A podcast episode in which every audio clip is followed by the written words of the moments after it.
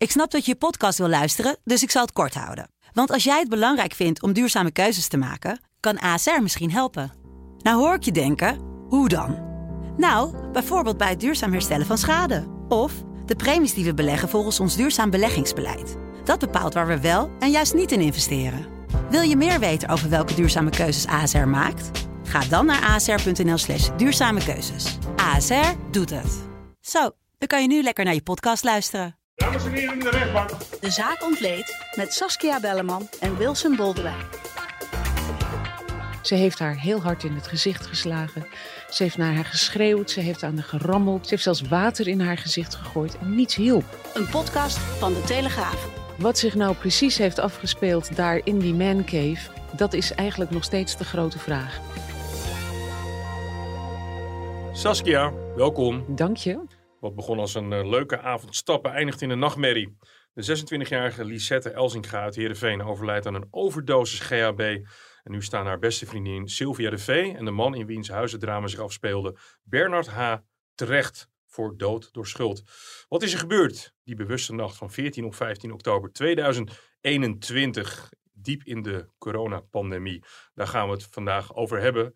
Laten we eerst even beginnen met Ines Wesky. Ja, Die is vrijgekomen. Althans, Precies. we moeten nu even vooruit gaan dat ze inmiddels vrij is. ja die, die zal inmiddels, eh, ik weet niet of ze thuis zit, maar in ieder geval wel eh, van achter de tralies vandaan. Dat klopt. Was je verrast? Eh, wel een beetje. Ja, je weet natuurlijk nooit precies wat het Openbaar Ministerie nog meer aan onderzoek heeft, heeft gedaan en wat dat heeft opgeleverd. Het Openbaar Ministerie had wel gevraagd om een verlenging. Maar de rechtbank zegt ja, er zijn op dit moment gewoon onvoldoende ernstige bezwaren bijgekomen. En zij zat vast op de onderzoeksgrond. Je moet je voorstellen, je kunt vastzitten op verschillende gronden. Eh, bijvoorbeeld het gevaar van eh, in herhaling vallen. Dat je nog een keer, ja, als je vastzit op verdenking van moord, dat je nog een keer iemand vermoordt. Ja. Of vluchtgevaar, als het risico er is dat je, dat je de benen neemt en dat je je rechtszaak uit de weg gaat. Dan is dat ook een reden om iemand vast te houden. Wesky zat vast op de onderzoeksgrond. En dat houdt in dat hè, als een verdachte te vroeg vrijkomt en politie en justitie zijn nog druk bezig met het onderzoek, er een risico is dat iemand het onderzoek gaat doorkruisen. Door bijvoorbeeld een, een getuige te intimideren of te benaderen, bewijsmateriaal door de wc te spoelen, dat soort dingen. ja. Nou, dat stadium is inmiddels voorbij, zegt ook het Openbaar Ministerie. Er is geen gevaar meer dat Wesky het onderzoek kan doorkruisen. Ja, dan vervalt de onderzoeksgrond en dus ook de reden om haar langer in hechtenis te houden. Want die voorlopige hechtenis mag niet een voorschotje worden op een eventueel later op te leggen straf. ja, en daar zijn we de laatste jaren wel een beetje aan gewend geraakt. Hè? Ja, en heel veel mensen zien het ook zo. Van ja, je wordt ergens van verdacht, dan moet je net zo lang vastzitten totdat de rechter heeft geoordeeld. En dan blijf je eventueel eh, in de gevangenis. Maar zo werkt het dus niet. Het, het mag niet. Nee. Eh, maar we het zijn, gebeurt we zijn inderdaad dus wel beetje vaak. gewend geraakt. Ja, En eh, ja. eigenlijk is het nu zoals het hoort. Ja, eigenlijk wel. Ja. Ja. Ja, nou, Ines Wesky loopt dus vrij rond. Eh, Ja. Wanneer verwacht jij dat zij vol gaat komen? Ja, dat is moeilijk te zeggen, want als je vastzit, dan zijn er allerlei termijnen waarbinnen je aan de rechter moet worden voorgeleid. Maar die zijn er niet op het moment dat je niet vastzit. Dus ja, voor iedereen is te hopen dat die zaak zo snel mogelijk voor de rechter wordt gebracht. Dat duidelijk wordt wat er is gebeurd. Ja, ik verwacht eerlijk gezegd niet dat Ines Wesky veel gaat zeggen, want gisteren maakte haar advocaat bekend dat zij tot nu toe geen verklaringen heeft afgelegd en dat ze dat ook niet gaat doen. Ja, ik zag het eerlijk gezegd ook een klein beetje als een boodschap aan haar eh, ex-cliënt Ridouan Taghi. Ik heb niet gepraat en ik ga ook niet praten. Wesky kennende houdt ze daaraan vast. Maar het betekent dus wel dat ze ernstig belemmerd wordt in haar eigen verdediging. Lisette Elsinga had op 14 oktober 2021 een leuke avond met haar vriendinnen. Ze ging stappen in Heerenveen en ze ging zelfs mee naar een afterparty. Daar is het helemaal misgegaan. Ze heeft GHB binnengekregen, is bewusteloos geraakt en uiteindelijk nooit meer wakker geworden. We gaan eh, terug naar Heerenveen. Ik zei het net al, in de nacht van 14 op 15 oktober 2021. De 26-jarige Lisette Elzinga die is eh, overleden aan een overdosis GHB. Twee eh, verdachten stonden voor de rechter. Sylvia de V en Bernard H. En het heeft zich allemaal afgespeeld in eh, zijn huis. Ja. Saskia, kun je kort vertellen van wat, wat weten we over die gebeurtenissen? Nou, er zijn eigenlijk vooral heel veel vragen overgebleven, zou je kunnen zeggen. Maar wat we weten is dat eh, Lisette Elsinga samen met Sylvia de V en eh, nog een andere vriendin is gaan stappen die avond. In een kroeg kwamen ze eh, Bernard H. met zijn vrienden tegen. En ja, die mannen die hebben deze vrouwen uitgenodigd om mee te gaan uh, voor een afterparty naar zijn huis. En dat huis dat is gedeeltelijk ingericht als een soort man cave. Zo werd er voortdurend over gesproken. Er zit een bar in, er zit een jacuzzi in, een open haard. Uh, nou ja, helemaal ingericht om, uh, om leuke feestjes te kunnen vieren. Twee van de drie vrouwen, Sylvia en Lisette, zijn meegegaan. De derde niet. Die had kinderen, moest de volgende dag weer vroeg op. Dus die is, die is naar huis gegaan. Ja, en wat zich nou precies heeft afgespeeld daar in die man cave, dat is eigenlijk nog steeds de grote vraag. We hebben daar uh, uitgebreid uh, verhalen over aangehoord, maar het enige wat we zeker weten is dat er veel drugs is gebruikt, dat er ook veel drank is, uh, is gedronken. Dat is ook al voor een deel daarvoor gebeurd in de kroeg. Bij beide partijen. Sylvia de V is op een gegeven moment s morgens vroeg om een uur of vijf wakker geworden. Zag daar haar vriendin op een bank liggen samen met een van die mannen ja, ze is op een gegeven moment een rondje door het huis gaan lopen, maar is op een gegeven moment tot de conclusie gekomen: ik, ik wil naar huis, ik, uh, ik heb het wel gezien hier. En is naar, naar uh, Lisette gelopen om haar wakker te maken. En dat lukte niet. Ze kreeg haar niet wakker. Ze heeft uh, ja, verwoede pogingen in het werk gesteld om Lisette weer bij te krijgen. Ze heeft haar heel hard in het gezicht geslagen. Ze heeft naar haar geschreeuwd. Ze heeft aan haar gerammeld. Zo hard zelfs dat Lisette van die bank is gevallen op de grond. Ze heeft zelfs water in haar gezicht gegooid en niets hielp. Ja, en zij vertelde aan de rechtbank, ik maakte me daar wel zorgen over. Want ja, dit was niet normaal. Hè? Dat, je, dat je niet zo heel snel wakker wordt als je veel drank hebt gedronken en drugs hebt gebruikt. Dat is op zich wel te verwachten, maar dit was toch wel gek. Maar Bernard H., de bewoner van het huis die ze erbij haalde, zei van joh, ze moet gewoon naar Roes uitslapen. Komt allemaal wel goed. Hij is wel op zijn telefoon in zijn slaapkamer gaan zoeken op internet naar wat je moet doen als iemand niet wakker wordt. En dat heeft Sylvia ook gedaan, urenlang zelfs. Sylvia die is bij haar vriendin blijven zitten. En er is geen 112 gebeld tot dat moment? Nee, er is geen 112 gebeld, uh, urenlang niet. Sylvia de V heeft wel uh, pogingen gedaan om op internet op te zoeken wat je moet doen hè, als iemand niet wakker wordt. En dat schijnt Bernard H. ook gedaan te hebben op zijn telefoon. Maar geen van beiden hebben ze de conclusie getrokken dat je beter even kon bellen met 112 als je iemand niet wakker krijgt. Wat wel is gebeurd, is dat uh, een flesje GHB werd gezien. Dat stond op de bar, dat was aangebroken.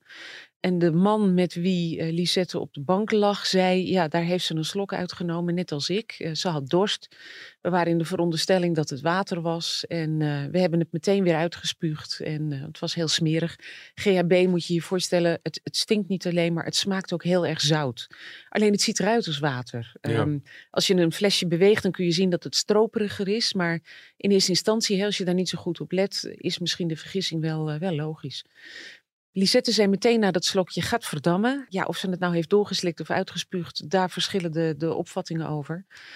Aan haar GHB-gehalte in haar lijf uh, achteraf uh, te oordelen, heeft ze het ingeslikt. Volgens Gabe T., die vriend, uh, had ze het uitgespuugd, net ja. als hij. En dat was degene waarmee zij ook op Bij de zij bank op de bank lag. Ja. Ja. precies. En ja, die Gabe T. Die, die werd wel wakker, maar Lisette dus niet. Nou, op internet heeft Sylvia de V eigenlijk allerlei sites opengemaakt waarop uh, wel degelijk instructies stonden dat je 112 moest bellen als iemand GHB had gebruikt in combinatie met alcohol. Maar dat heeft ze niet gedaan. De vraag is, was zij misschien ook gedrogeerd? Is tot haar doorgedrongen wat ze las en heeft ze beseft hoe ernstig de situatie was? Het lijkt erop dat zij vooral blind is gevaren op wat die Bernard H. heeft gezegd van joh, ze moet gewoon naar Roes uitslapen. Hij um, ja, presenteerde zich alsof hij wist um, wat GHB doet, alsof hij daar ervaring mee had.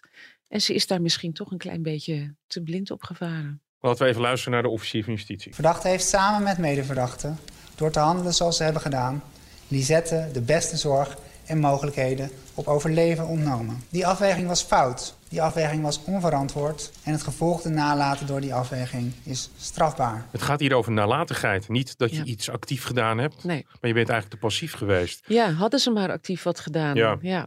De definitie van eh, nalatigheid. Het gaat om het niet zorgvuldig uitvoeren wat van een normaal redelijk persoon kan worden verwacht. Dat is best wel een interpretatie Ja. onderhevig, hè? Ja, en wanneer ben je een normaal en redelijk functionerend persoon? Dat is ook een lastige eh, norm. ja, kijk, Sylvia de V zegt zelf dat ze het gevoel had dat ze zelf ook gedrogeerd is geweest. En ehm, ja, de vraag is even of zij dus volledig in staat was om te beoordelen hoe de situatie was van Lisette, hoe ernstig het was. En om op die sites de informatie voldoende tot zich te nemen. Het heeft in totaal iets van 2,5 uur geduurd eh, voordat uiteindelijk Sylvia de V zag dat eh, de situatie of de toestand van eh, Lisette verslechterde. Haar ademhaling ehm, ja, kwam met horten en stoten, ehm, haar gelaat werd grijs. Toen hebben ze uiteindelijk toch 112 gebeld. Maar ja, dat is 2,5 uur later geweest. Wat ze nu wordt verweten is inderdaad die nalatigheid. Dat ze niet tijdig hulp hebben ingeroepen. Het is de vraag of Lisette het überhaupt had kunnen overleven hoor. Dat staat helemaal niet vast als dat eerder was gebeurd. Maar ze had wel een betere kans gehad. Ze hebben natuurlijk geen van beiden, nog Bernard H., nog Sylvia de V., de opzet gehad Nee. om Lisette te doden. Dus van kan- doodslag of iets dergelijks is geen sprake. En dan komen we in dat lastige terrein van dood door schuld. Exact. Waar, ook altijd, Ja. altijd heel veel emotie over is. Ja. Want je hebt niet het doel Nee. gehad om zoiets te doen. Nee. Maar het is eigenlijk min of meer per ongeluk gebeurd. ja, maar wel door jouw schuld. Ja, Dus het kan je wel toegerekend worden. Het is, hè, als, als er sprake is van dood door schuld, dan had je dus niet de opzet om iemand te doden. Maar je hebt iets gedaan of nagelaten waardoor jij wel verantwoordelijk bent voor de dood van die persoon. Ook al wilde je dat niet, je bent verantwoordelijk voor het, voor het gevolg. Dat is dood door schuld. ja, als ik bijvoorbeeld een pistool heb en ik schiet iemand tien kogels door zijn lijf.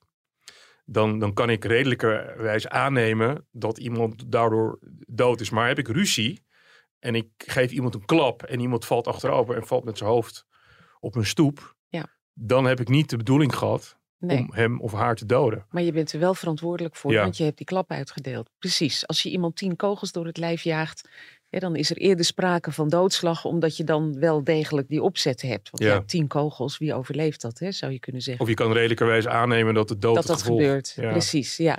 Maar bij dood door schuld is het zo dat ja, er treedt een bepaald gevolg in, zonder dat je de bedoeling hebt om dat te laten gebeuren, maar je bent er wel schuldig aan. Hiermee hebben wij even, wel even samengevat hoe lastig het vak van rechter Ja. zijn is met dit soort voorbeelden. Hoe interpreteer je eh, situaties? Laten we even teruggaan naar die, eh, naar die rechtszaak. Ehm, het waren twee hele goede vriendinnen, Ja. hartsvriendinnen. Ja. En de ene leeft niet meer. Nee, dat is Eh, voor... dat is, dat is eh, voor haar ook echt een drama. Precies. En ze zat nu in de verdachtebank. En ja, dat bleek eigenlijk nog maar heel duidelijk bij het spreekrecht van de moeder en, en de broer. Die aan de ene kant Sylvia de V wel degelijk verwijten maakte. Hè, van waarom heb je nou niet gebeld? Je belt altijd als er iets is en, en nu deed je het niet. En aan de andere kant ook zeiden van ja, wij beschouwden Sylvia de V eigenlijk gewoon als onze bonusdochter. Want ze was er altijd. Die meiden die waren zo close met elkaar. Die trokken altijd met elkaar op. Sylvia de V was altijd bij ons in huis. Ja, zei de moeder. Het ergste vind ik als ik straks ook geen contact meer heb met Sylvia de V. Want dat zou eigenlijk betekenen dat het laatste stukje Lisette verdwijnt. Kun je nagaan hoe ongelooflijk moeilijk dat is? Hè? Je zit te kijken naar de vriendin die mede verantwoordelijk wordt gehouden door het Openbaar Ministerie voor de dood van jouw dochter. En je beschouwt haar eigenlijk ook een beetje als je dochter. Ja, eigenlijk wel. Ja. Ja. Laten we maar meteen even luisteren naar eh, de moeder van Lisette. Als je mij wel eerder had gebeld, dan had ik meteen 112 kunnen bellen. Dan had Lisette het misschien nog gered. Nu deed je het niet.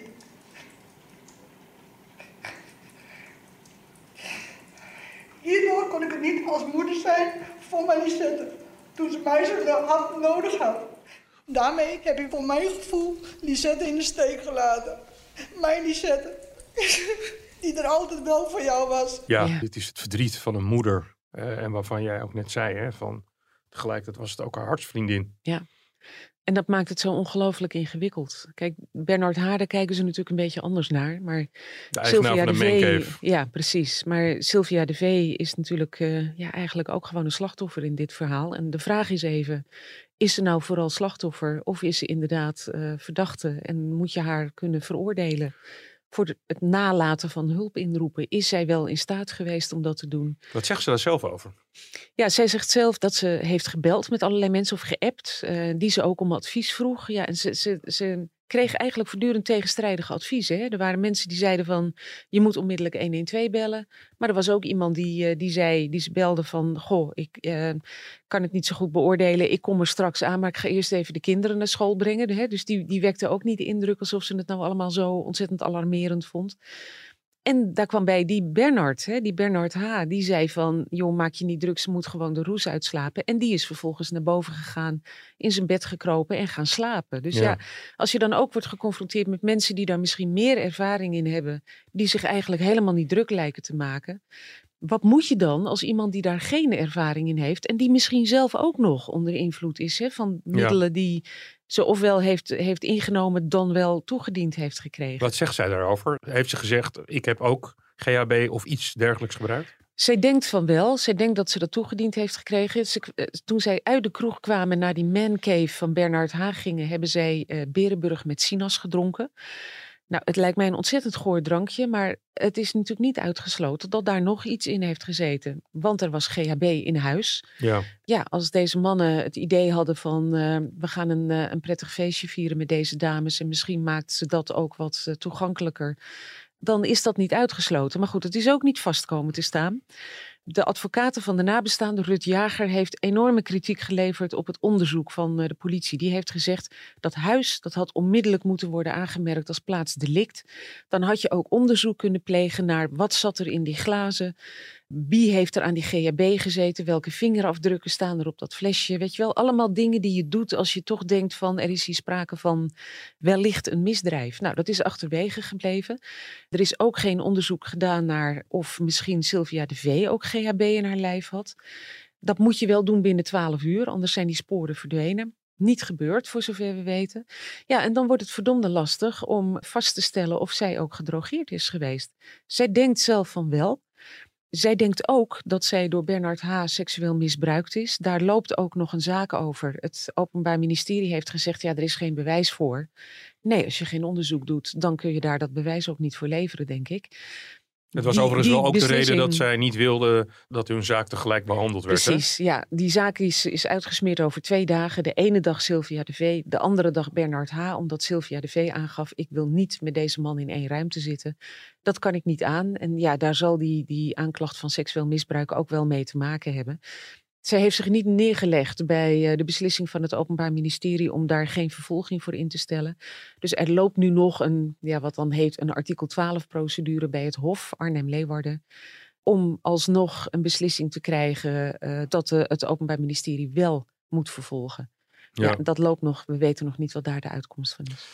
Bernard H. Het is veel over hem gaan. Wat voor soort man is hij? Ja, goede vraag. De eigenaar van de Mancave. Hij is in ieder geval fors ouder dan deze dames waren, 49 jaar oud. Hij was die dag ook aan het stappen geweest met vrienden. Er is een, eh, een club van ondernemers uit Heerenveen, vrienden, die zich hebben verenigd onder de naam Heren onder Ede. Vraag me niet waar die naam op slaat. Ik, ik weet het niet. Een soort mannensociëteit of zo. Ja, precies. Ik zag op, op eh, Twitter heel veel geruchten rondgaan over eh, hoe zij bekend staan in Heerenveen. Maar daar wil ik even ver van blijven, want dat zijn geruchten. Ik kan ze niet controleren. Maar die, die geruchten die gaan wel in Heerenveen. Eh, die mannen die kwamen in de loop van de avond dus eh, Lisette, Sylvia en die andere vriendin tegen in de kroeg en hebben die dames meegenomen. Bernard H. beweert dat die GHB niet van hem was. Maar dat kwam tijdens de zaak, toen hij dat zei, een beetje uit de lucht vallen. Want eerder heeft hij tegen de politie wel degelijk gezegd dat die GHB van hem was. Hij zei, ik heb eerder een relatie gehad met een andere vrouw, die GHB was van haar. Dat flesje dat stond achter in mijn koelkast, achter het bier en allerlei andere drank. Ik kan me niet voorstellen dat iemand daar per ongeluk een slokje uitneemt als hij dorst heeft. Want er zit ook een bar, een kraan in die bar. Ja. Ze had gewoon een slokje uit de kraan kunnen nemen. De familie van Lisette zegt bovendien... Het is raar dat zij een slokje uit een aangebroken flesje zou hebben genomen, want ze had een enorme vorm van smetvrees.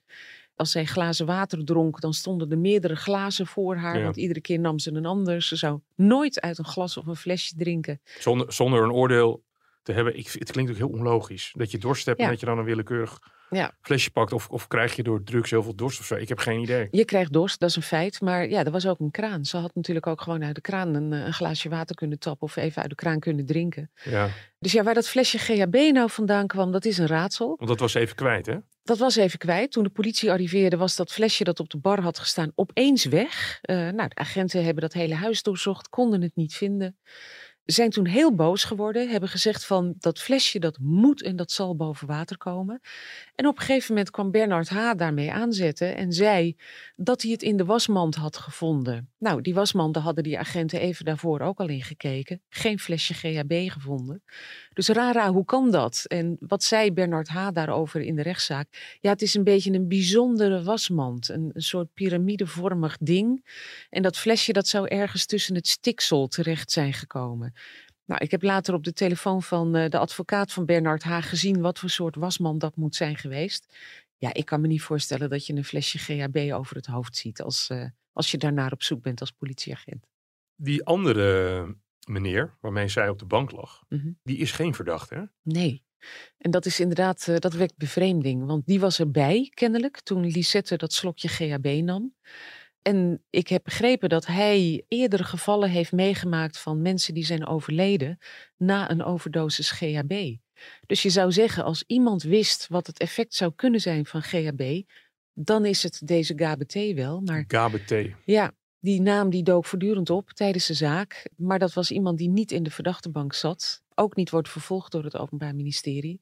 En dat wekt toch wel wat bevreemding. Hij heeft beweerd dat Lisette dat slokje GHB heeft uitgespuugd. Ja, en daar wreekt zich weer dat dat huis niet onmiddellijk is aangemerkt als plaatsdelict. Want dan zou je kunnen kijken van nou ligt er inderdaad GHB op de vloer kunnen we dat inderdaad uh, aan haar toeschrijven? Zit haar DNA er ook in? Wat heeft hij gedaan na, nadat al die consternatie was? Die zei daar blijven liggen? Ja, niets dus. Hij heeft uh, op de bank gelegen, heeft dus alleen gezegd van... ja, we hebben allebei een slokje genomen uit dat flesje GHB. We hebben het uitgespuugd, want het was smerig.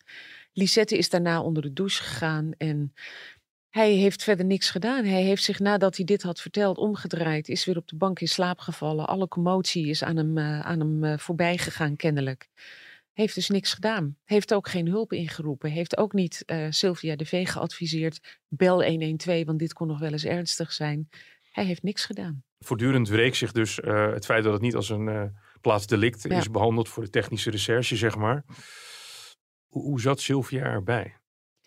Ja, geëmotioneerd. Ze klonk een beetje zakelijk in, in de manier waarop ze sprak. Ik kreeg zelf de indruk dat ze ontzettend het best deed om haar emoties een beetje in, uh, in de hand te houden. Maar ja, op het moment dat de moeder en de broer van Lisette aan het woord waren, ja, kon je ook wel zien dat dat haar enorm aangreep. Ja, die mensen die zijn hun dochter en hun zus kwijt. Die broer vertelde dat hij met Lisette op kamers zou gaan wonen in Amsterdam. Ze zouden er een mooi leven van maken. Hij beschouwde haar als uh, zijn grote zus en zijn voorbeeld. En dat is hij in één klap kwijt. Hij was ook geëmotioneerd. Maar hij ziet Sylvia eigenlijk ook als een bonuszus. Daar komt het een beetje op neer. Had nou maar gewoon hulp gezocht toen die zette dat zo hard nodig had. Je hoorde er voor haar te zijn. Maar nu zijn er alleen maar verliezers. Jij bent je beste vriendin kwijt. Ik mijn lieve zus. Ik zal wel altijd moeten leven met het eeuwige gemis. Lisette betekende alles voor mij. Ze was niet alleen mijn dochter, maar ook een vriendin. Dat ik haar nu moet missen is onbeschrijfelijk zwaar. Dus al die emoties die kwamen eruit op die dag. En ja, je kon zien dat uh, Sylvia de V daar ook als een gebroken vrouw in die verdachtebank zat. En wat voor indruk kreeg je van Bernard H? Hoe klonk die? Ja, zakelijker en, en eigenlijk ook um, enorm bezig om de verantwoordelijkheid van zich af te schuiven. En uh, het eerste moment bij de politie zeggen dat de GHB van hem is en het volgende moment uh, in de rechtbank dat ontkennen. De officier van justitie drukte het wel mooi parlementair uit. Die zei van zijn verklaringen hebben nogal een ontwikkeling doorgemaakt. Nou, dat is juridisch uh, voor hij, hij, heeft voortdurend andere verklaringen afgelegd, die weer haak stonden op de verklaringen die hij eerder aflegde. Dus de officier van justitie zei: Ik hecht wel geloof aan de verklaringen van Sylvia de V, want die heeft consistent verklaard. Maar die verklaringen van Bernard H., die vind ik dus niet geloofwaardig. Wat is de eis van de officier van justitie? Omdat dit een ontiegelijk complex ja. verhaal is. Ja, in beide gevallen vier maanden geheel voorwaardelijke gevangenisstraf. En dat verraste mij eigenlijk wel. Waarom? Omdat ik mij kan voorstellen dat je dat doet bij Sylvia de V. Hè, die, die wellicht ook gedrogeerd was. Die als beste vriendin voortdurend heeft gewaakt bij haar vriendin. Heeft geprobeerd om haar wakker te krijgen. Informatie heeft opgezocht. Mensen heeft geraadpleegd. Echt wel het een en ander heeft gedaan om, om zeker te weten dat wat zij deed goed was. Ja, en Bernard H., die is gewoon naar bed gegaan. Die is gaan slapen. En... Uh, die zegt van ja, ik had geen seconde het idee dat er sprake was van een levensbedreigende situatie. Maar die heeft dus ook niks ondernomen verder. Die heeft het aan Sylvia overgelaten. En dan toch dezelfde eis. Toch dezelfde eis, ja. En dat verraste mij een beetje, omdat ik toch het gevoel had van ja, weet je, je kan wel vinden dat een, een, een celstraf hier verder niets toevoegt. Je krijgt Lisette niet mee terug. Maar ik had toch een beetje het gevoel van uh, de verantwoordelijkheid van Bernard H. was toch wel groter dan die van Sylvia de V. En hij heeft helemaal niks gedaan. Wat voor gevolgen heeft die eis nog bij het Hof om dat nader te onderzoeken?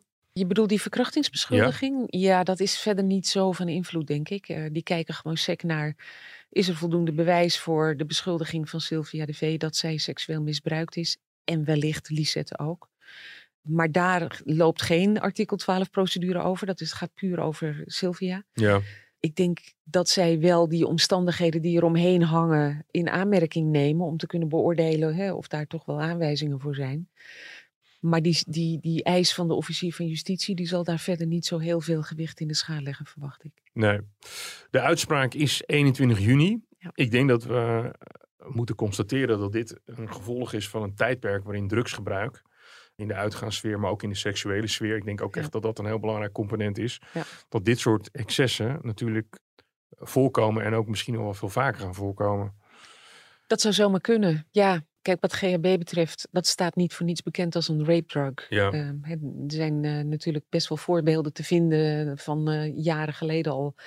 Dat eh, vrouwen seksueel misbruikt zijn nadat er GHB stiekem is toegediend.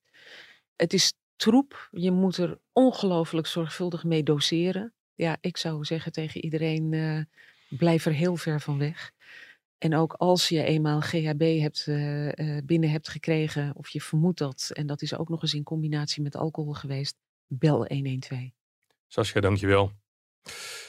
Dit uh, was de zaak ontleed voor deze keer. Vindt u dit een goede podcast? Want ik gebruik niet meer de woorden leuke podcast op advies van een uh, luisteraar. En die heeft daar volledig uh, gelijk in gekregen. Dat is altijd een beetje een rare combinatie met dit soort onderwerpen. Dus vindt u dit een goede podcast? Laat u dan een recensie achter.